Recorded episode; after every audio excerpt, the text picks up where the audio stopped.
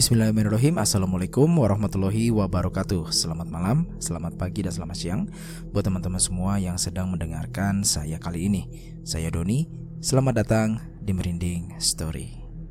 Oke teman-teman podcast Merinding Story Yuk kita lanjutkan lagi cerita selanjutnya Tentang pesugihan keluarga Ningrat. Dan sekarang kita masuk ke bagian ke-6 Tapi sebelum uh, saya lanjutkan ke bagian ke-6 Jadi kemarin itu ada kesalahan sedikit ya dalam penyebutan. Kemarin uh, saya menyebutkan getih rengget, ternyata salah guys. Aku dikoreksi sama Mas Wira. Aduh, mohon maaf ya Mas Wira. Waduh, waduh, waduh, waduh. Saya agak riset dulu, nggak tanya-tanya dulu langsung aja recording. Jadi sebenarnya pelafalannya atau pronunciationnya itu bukan rengget kata Mas Wira, tapi yang betul adalah getih rengget. Nah, jadi yang betul itu adalah getih rengget guys Bukan getih rengget. Oke okay, next ya kalau ada ketemu. Kayaknya uh, part ini ada deh Kata getih rengget ini. Ya semoga saya nggak lupa ya. Semoga saya uh, melafalkannya dengan Pelafalan yang benar yang dikasih tahu oleh Mas Vira Oke deh kalau begitu kita langsung saja masuk ke ceritanya. Dan seperti biasa sebelum teman-teman mendengarkan Silahkan teman-teman berdoa dulu. Terus juga teman-teman bisa uh, memasangkan headset, siapkan cemilan untuk menemani teman-teman dalam mendengarkan episode kali ini. Seru banget nih selanjutnya.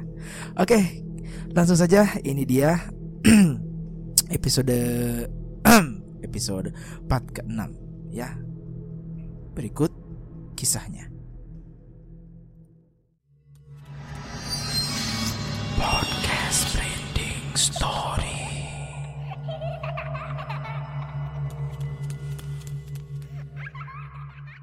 Pesugihan keluarga Ningrat bagian 6 Pertemuan para pejabat Renggeng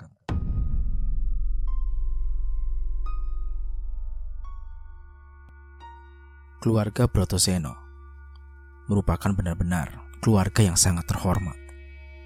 Selain dia menjadi keluarga yang sangat ditakuti keluarga Ningrat lainnya, keluarga Brotoseno ini memiliki jejaringan dan relasi yang sangat luas.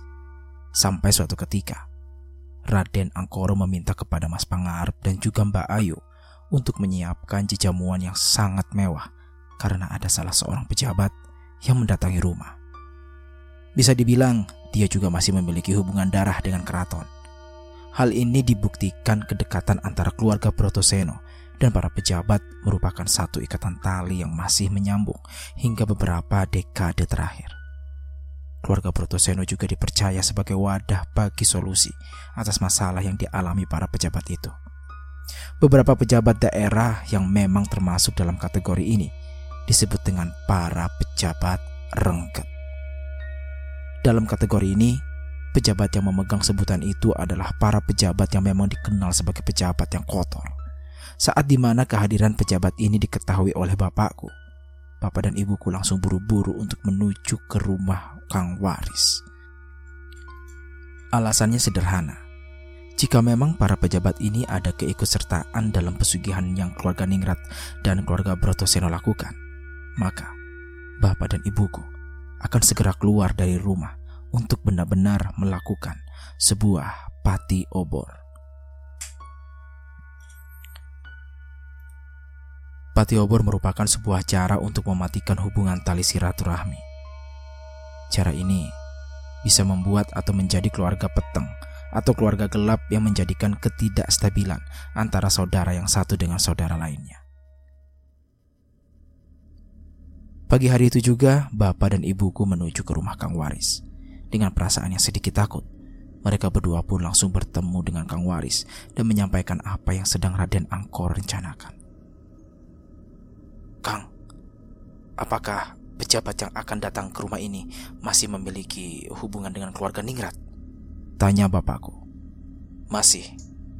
Bukan hanya dalam terah, namun mereka juga termasuk dalam bagian welut yang sangat licin dan dibenci oleh masyarakat sekitar.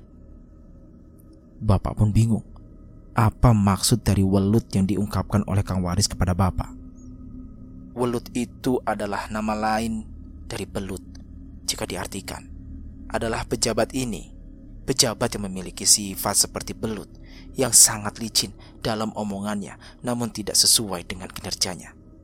Dia termasuk pejabat yang suka berlarian ke sana kemari ketika disuruh membuktikan hasil kerjanya.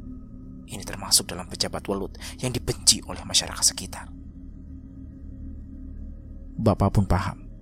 Ya, memang benar. Jika orang baik pasti akan ditemukan dengan orang baik. Begitupun sebaliknya. Jika orang licik, maka akan dipertemukan dengan orang licik pula.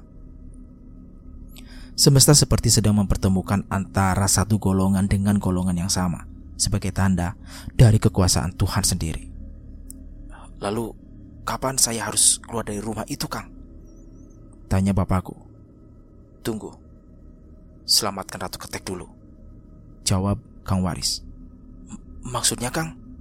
Tanya bapakku. Ratu Ketek yang kamu tahu adalah dia yang memang sedang melaksanakan kontrak. Namun faktanya, dia adalah korban dari pesugihan ini. Ibuku pun langsung bergeming dan memikirkan apa maksud dari Kang Waris. Jika memang benar Ratu Ketek yang dimaksud oleh Kang Waris adalah korban, berarti pesugihan ini sendiri memiliki sistem yang tidak bisa dinalar oleh manusia sendiri. Kemudian Kang Waris menjelaskan lagi. Pesugihan yang dijalankan oleh keluarga Ningrat memiliki tingkatan. Mula-mula, dia akan tersistem dengan mempertemukan Raja dan Ratu Ketek lalu mencari pengawal, dan yang terakhir adalah yang sangat mengerikan. Maksudnya, Kang? Tanya bapakku. Yang terakhir akan mencari tumbal dari orang-orang yang dikenalinya. Jawab Kang Waris. Walau kita sudah melakukan pati obor, Kang? Tanya bapakku. Pati obor itu adalah menghilangkan jejak, bukan menghilangkan pertanda jika dirimu dan juga istrimu atau anakmu kelak akan dijadikan tumbal dan terus-menerus diteror sampai sekiranya benar-benar pesugihan ini selesai. Jawab Kang Waris. Mendengar hal itu, bapakku langsung menghadap ke arah ibuku. Sampai saat di mana Kang Waris berdaham, bapakku pun langsung menatap kembali ke arah Kang Waris. Jangan risau. Pejabat itu datang hanya karena urusan duniawinya saja. Bukan ada keterkaitan dengan pesugihan yang dijalankan oleh keluarga Ningrat. Tapi jika disamakan dengan pesugihan yang sedang dijalankan oleh keluarga Ningrat, pejabat itu tidak ada bedanya. Jelas Kang Waris. Maksudnya Kang? Tanya bapakku kembali. Sekelompok pejabat itu, termasuk kepala hukum, mereka juga memiliki perewangan atau peliharaan yang mana semuanya ditunjukkan untuk menjaga kekuasaannya. Jelas Kang Waris. Tanpa sengaja, Kang Waris telah membuka sedikit demi sedikit terkait pejabat-pejabat yang memang berlaku kotor. Tidak heran, jika pertemuannya nanti bersama keluarga Brotoseno, pasti ada niat terselubung di antara keduanya. Menjadi manusia itu nggak usah kagetan. Ada pejabat yang memang meminta-minta ke dukun. Ya, banyak. Ada kiai yang memang seorang dukun yang tidak terhitung. Jadi, fokuskan saja dirimu untuk menyelamatkan Ratu Ketek. Jelas Kang Waris. Tapi Kang, kapan waktunya? Tanya bapakku. Setelah si pengawal sudah diketahui? Maksudnya Kang? Tumbal selanjutnya akan mencari pengawal. Berhubung targetnya sudah lepas, maka ada dua kemungkinan yang terjadi. Bapakku langsung terdiam sembari memikirkan jawaban setelahnya. Mungkin apa yang selama ini bapakku pikirkan adalah jawaban yang sama seperti apa yang Kang Waris ucapkan. Tumbal selanjutnya akan berasal dari salah satu pihak, baik itu keluarga Ningrat ataupun keluarga Protoseno. Keduanya adalah satu sama lain yang masih berhubungan. Akhirnya terungkap Teruntuk tumbal selanjutnya kemungkinan besar akan jatuh dari salah satu keluarga besar itu. Memang terlihat sangat mendominan adalah keluarga Ningrat. Masih ada beberapa anggota keluarga Ningrat yang laki-laki. Itu menandakan jika korban selanjutnya adalah tumbal yang akan dijadikan sebagai pengawal dari Rojo Ketek sendiri. Setelah mengobrol-ngobrol dengan Kang Waris, akhirnya usai. Bapak dan ibu pun langsung kembali ke rumah. Keduanya tidak menginginkan adanya kecurigaan yang terjadi dari keluarga Ningrat selama keduanya bepergian. Sesampainya di rumah, bapak dan ibuku langsung melihat Mbak Neneng yang sedang terduduk sendirian di kursi sofa sembari memegangi sisir milik ibu. Mbak Neneng, tumben sendirian. Tanya ibuku sembari memegangi perut. Mbak Neneng menatap wajah ibuku dengan tatapan yang sedikit sedih. Tampaknya setelah kematiannya Endang, Mbak Neneng masih belum menerima kematian itu sendiri. Mas Sarto, boleh aku bertanya sesuatu? Tanya Mbak Neneng. Iya mbak, kenapa? Tanya bapakku. Mbak Neneng pun bangkit dari duduknya. Ia kemudian berjalan sembari wajah yang masih menunduk ke bawah. Ia pun langsung menatap ke arah bapakku, sembari menyerahkan sisir itu kepada bapakku.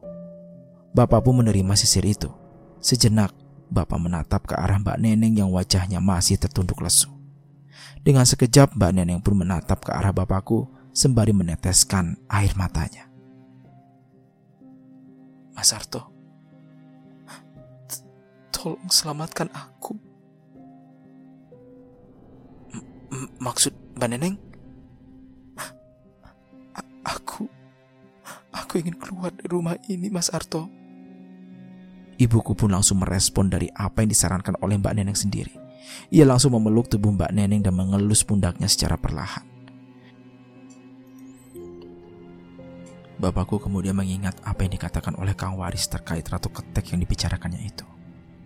Dalam hati Bapak, ia sendiri membenarkan terkait Ratu Ketek yang ia maksud. Jika benar perkiraannya, berarti dalam ritual ngibri ketek yang dilakukan oleh keluarga Ningrat dan apa yang diucapkan oleh keluarga Brotoseno. Berarti Mbak Neneng adalah ratu ketek selanjutnya. Saat di mana Mbak Neneng mengatakan hal itu, tiba-tiba dari belakang sudah berdiri Raden Angkor dan beberapa keluarga Ningrat lainnya. Bapak pun langsung menarik tubuh ibuku karena kehadiran keluarga Brotoseno yang hadir secara tiba-tiba. Ibu juga langsung melepaskan pelukannya dari Mbak Neneng. Ada apa ini? Tanya Mas Pangarep. Bapakku langsung menyembunyikan sisir tersebut. Ia langsung mengatakan kepada Mas Pangarep terkait apa yang sudah terjadi. Mbak Neneng kangennya Endang mas. Hah? Neneng kangen ibu? Mas Pangarep pun berjalan menuju ke arah Mbak Neneng. Namun dengan cepat Raden Angkor menghalangi tubuh Mas Pangarep. Bapak dan ibuku yang melihat kejadian ini hanya terdiam. Mereka berdua tidak ingin ikut campur terkait apa yang memang menjadi urusan antara keluarga Ningrat dan keluarga Pertoseno. Sebentar lagi akan ada tamu besar yang datang.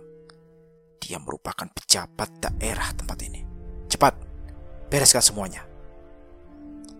Perintah dari Raden Angkoro pun langsung dijalankan oleh keluarga Ningrat lainnya. Mereka yang baru saja keluar dari rumah untuk membeli bahan makanan untuk hidangan pejabat itu langsung meletakkan ke piring-piring yang mewah dan juga cantik. Persis seperti hidangan untuk para raja-raja. Setelah semua hidangan sudah rapih ditata, Raden Angkoro pun berjalan ke arah bapak dan ibuku. Siapa orang yang baru saja kalian temui? Tanya Raden Angkoro. Bapak dan ibuku langsung terkejut mendengar kalimat itu. Sepertinya mereka berdua sudah lama dimonitori oleh Raden Angkoro. E, bukan siapa-siapa. Dia teman lamaku. Apa ada hubungannya dengan Nyi Endang? Tidak ada. Ingat Arto, aku ini adalah tetua dari keluarga Protoseno keluarga yang memangku tahta kekeratonan. Bapak tidak menjawab apa pun. Dia tahu apa yang dimiliki oleh Raden Angkoro sangatlah mengerikan. Jika memang bisa diibaratkan, setetes darah yang menetes dari keluarga Protoseno, bayarannya adalah penggalan kepala yang harus ditebus. Tidak lama kemudian, datanglah tiga orang dengan menggunakan jas hitam yang sangat mewah. Ketiganya adalah pejabat yang akan menemui Raden Angkoro. Bapak dan ibuku yang mengetahui kedatangan para pejabat itu pun langsung masuk ke dalam kamar. Tujuannya adalah untuk menghindari pembahasan rahasia yang akan diungkapkan oleh kedua belah pihak. Selama pertemuan itu berlangsung, Raden Angkoro tidak menyebutkan nama dari pejabat itu sendiri. Mereka saling menjaga rahasia satu sama lain. Namun ada satu pembahasan yang dianggap sangat sensitif hingga bapakku sendiri yang sedang menguping dari dalam kamar terkejut dibuatnya. Raden Angkoro menyampaikan bahwa dirinya memiliki sebuah pabrik bawang terbesar di tempatnya. Lalu dia menyebutkan, jika semua rencananya sudah berhasil, dia akan menjadikan karyawannya sebagai tumbal dari pesugihan yang sedang dijalankannya. Berarti benar apa yang dikatakan oleh Kang Waris. Pesugihan ini memiliki aturan. Namun jika semuanya sudah terencana, pesugihan ini akan berjalan semestinya tergantung dengan tuannya yang memegang kemudi dari pesugihan itu sendiri. Baiklah, berhubung aku juga kebal hukum, maka aku akan melindungi pabrik itu. Ucap salah seorang pejabat itu kepada Raden Angkoro. Terima kasih Tuhan. Sebagai bayarannya, aku akan memberikan pesangon 20% dari penghasilan pabrik yang sedang beroperasi. Tenang saja, jangan pusingkan hal itu. Mereka pun tertawa sembari memakan dan meminum semua hidangan yang telah disediakan. Berbeda dengan bapakku, ia sempat tersentak mendengar penuturan licin dari pejabat itu. Dengan ini bapakku semakin paham akan rencana yang dijalankan oleh Raden Angkoro untuk bisa memanipulasi semua kekayaan yang akan dihasilkan dari pesugihannya itu sendiri. Akan tetapi yang masih menjadi pertanyaan, siapakah yang akan dijadikan korban selanjutnya untuk menjadi pengawal dari Rojo Kete itu sendiri. Bapakku pun kembali menguping dari balik kamar. Dia menemukan sedikit rahasia. Siapa yang akan dijadikan tumbal berikutnya? Lalu, siapakah pengawalnya? Tanya pejabat itu. Raden Surapto, pamanku sendiri. Bapak pun langsung berhenti untuk menguping. Dia belum pernah mendengar siapa itu Raden Surapto. Ibuku yang sedari tadi masih terduduk di kasur pun bertanya. Ada apa, Pak? Tanya ibuku. Siapa Raden Surapto, Bu? Tanya bapakku kepada ibu. Dia adik dari Bertoseno. Kenapa, Pak? Bapak pun langsung menuju ke arah ibuku sembari memberikan jawaban atas pertanyaan itu. Raden Angkoro berencana menumbalkan Raden Surapto. Lalu, dia akan bekerja sama dengan pejabat itu untuk menumbalkan korban lainnya yang bisa saja kita adalah korban selanjutnya, Bu.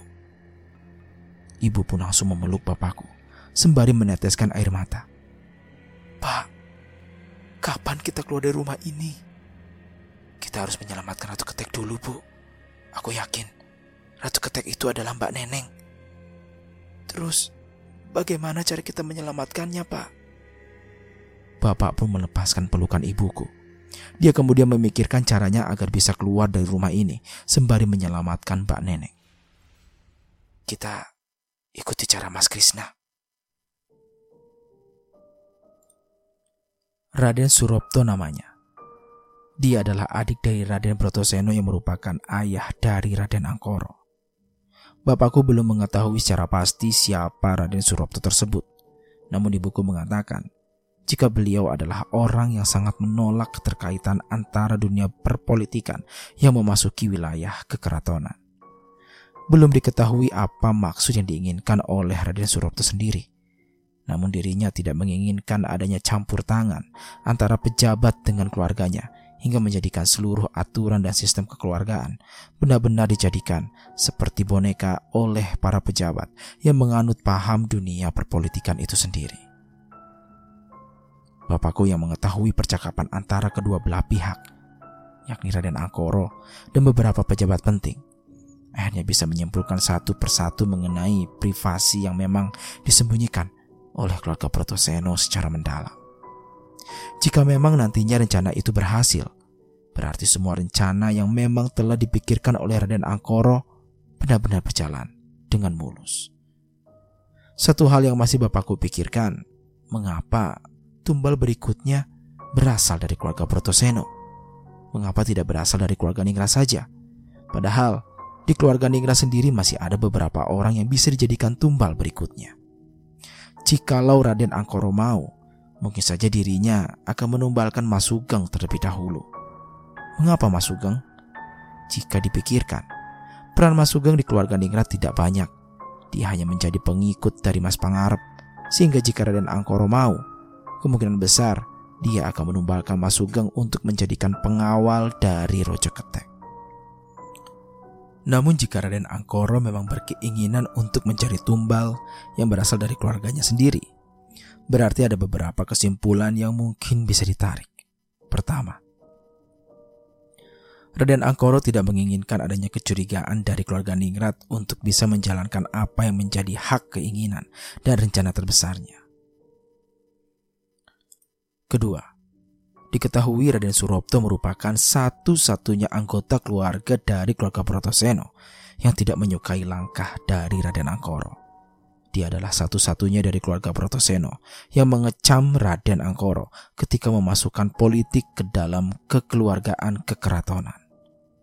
Yang ketiga, alasan lainnya yang benar-benar kuat adalah mungkin saja Raden Angkoro memiliki sebuah rencana besar terkait mengapa dirinya menumbalkan Raden Suropto yang merupakan bagian dari keluarganya sendiri. Jika benar apa yang memang dipikirkan bapakku, Raden Angkoro melakukan hal ini karena memang dalam pesugihan ini cukup mencari dua tumbal pertama untuk mendapatkan banyak tumbal lainnya. Bisa dibilang kunci utama dalam melakukan pesugihan ini adalah dengan cara menumbalkan dua orang untuk mendapatkan banyak tumbal lainnya. Bapakku yang menyadari hal ini langsung terkejut. Dia langsung mengatakan kepada ibuku terkait apa yang baru saja dipikirkannya. Bu, di mana rumah Raden Suropto? Tanya bapakku. Dia di sebuah pelinggihan yang jaraknya tidak jauh dari tempat ini, Pak. Bu, ini benar-benar gawat. M maksud Bapak, kenapa? Jika Raden Suropto ditumbalkan, maka kita semua akan terkena imbasnya, Bu. Ibuku masih belum paham terkait apa yang menjadi jalan pikiran dari papaku. Dia sendiri masih ragu jika memang Raden Suropto yang akan dijadikan tumbalnya. Kunci dari rencana Raden Angkoro adalah ketika dia menyebutkan akan menumbalkan karyawannya. Jika dipikirkan, maka pesugihan ini berjalan tidak selektif lagi, Bu. Jelas papaku. Maksud Bapak gimana sih, Pak? Ibu tidak paham? Bapakku mencoba untuk menenangkan diri. Dia tidak ingin kesalahpahaman yang tercipta dari penyampaiannya yang terburu-buru itu. Baik, I ibu tahu kan siapa korban pertama pesugihan yang dijalankan keluarga Ningrat ini? Tanya bapakku. Nyi, Nyi Endang, ibuku sendiri.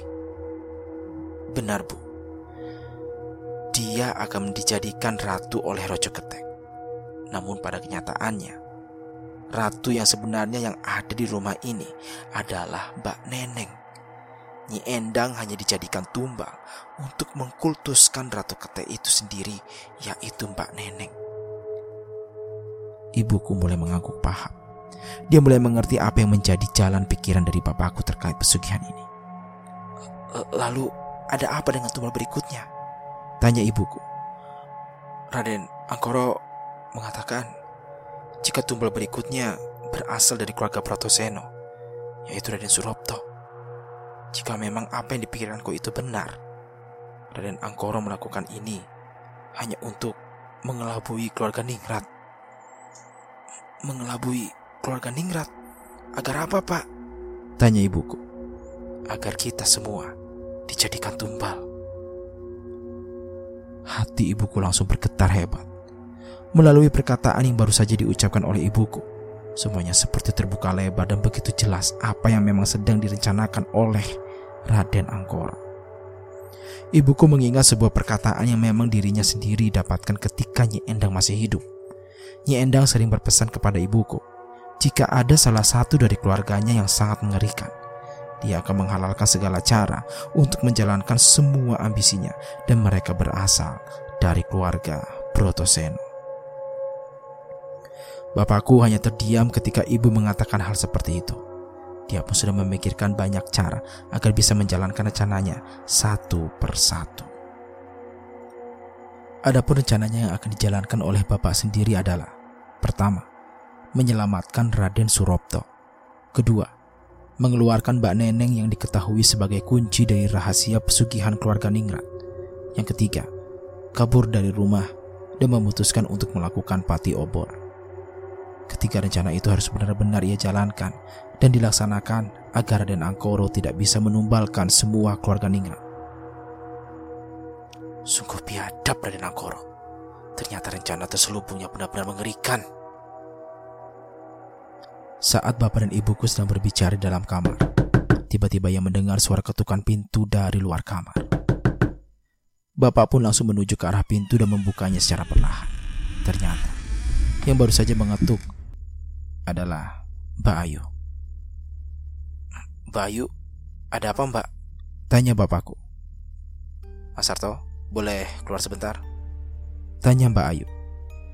Uh, ada perlu apa ya mbak? Pejabat itu ingin menemuimu, Mas. Jawab Mbak Ayu. Bapakku langsung gugup ketika Mbak Ayu mengatakan hal itu kepadanya. Jangan-jangan Raden Angkoro telah menceritakan dirinya kepada pejabat itu.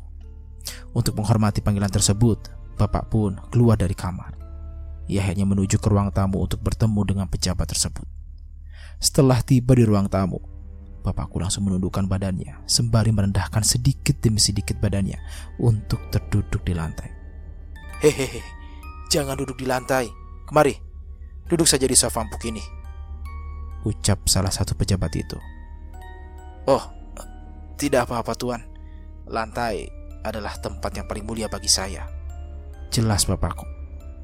Ah, tahu sama lu. Duduklah di sofa. Bapakku perlahan melihat raut wajah dari satu persatu para pejabat. Dia merasakan ada hawa negatif yang terpancarkan dari para pejabat itu.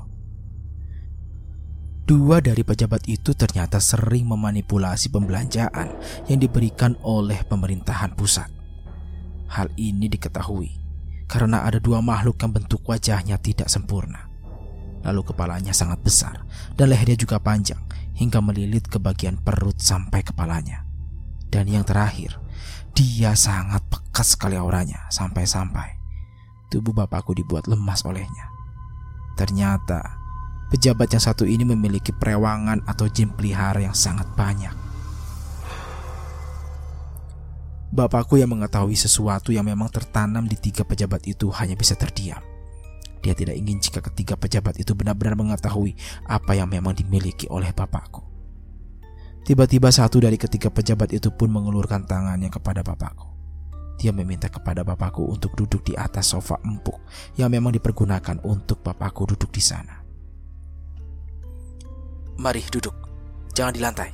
Tidak sopan duduk di bawah sedangkan kami berada di atas.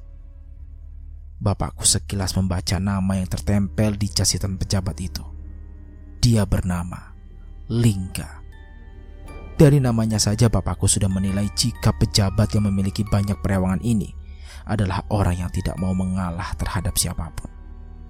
Uh, terima kasih tuan. Ucap bapakku sembari menggapai uluran tangannya. Namun saat di mana bapakku menyentuh tangan itu, dia seperti terbawa di sebuah zaman atau waktu yang akan terjadi di masa depan. Dengan jelas, bapakku mendapat penggambaran terkait pejabat yang bernama Pak Lingga ini. Bapakku melihat seorang wanita yang sedang tertidur, lalu kedua tangannya diikat oleh buntut dari rojo ketek.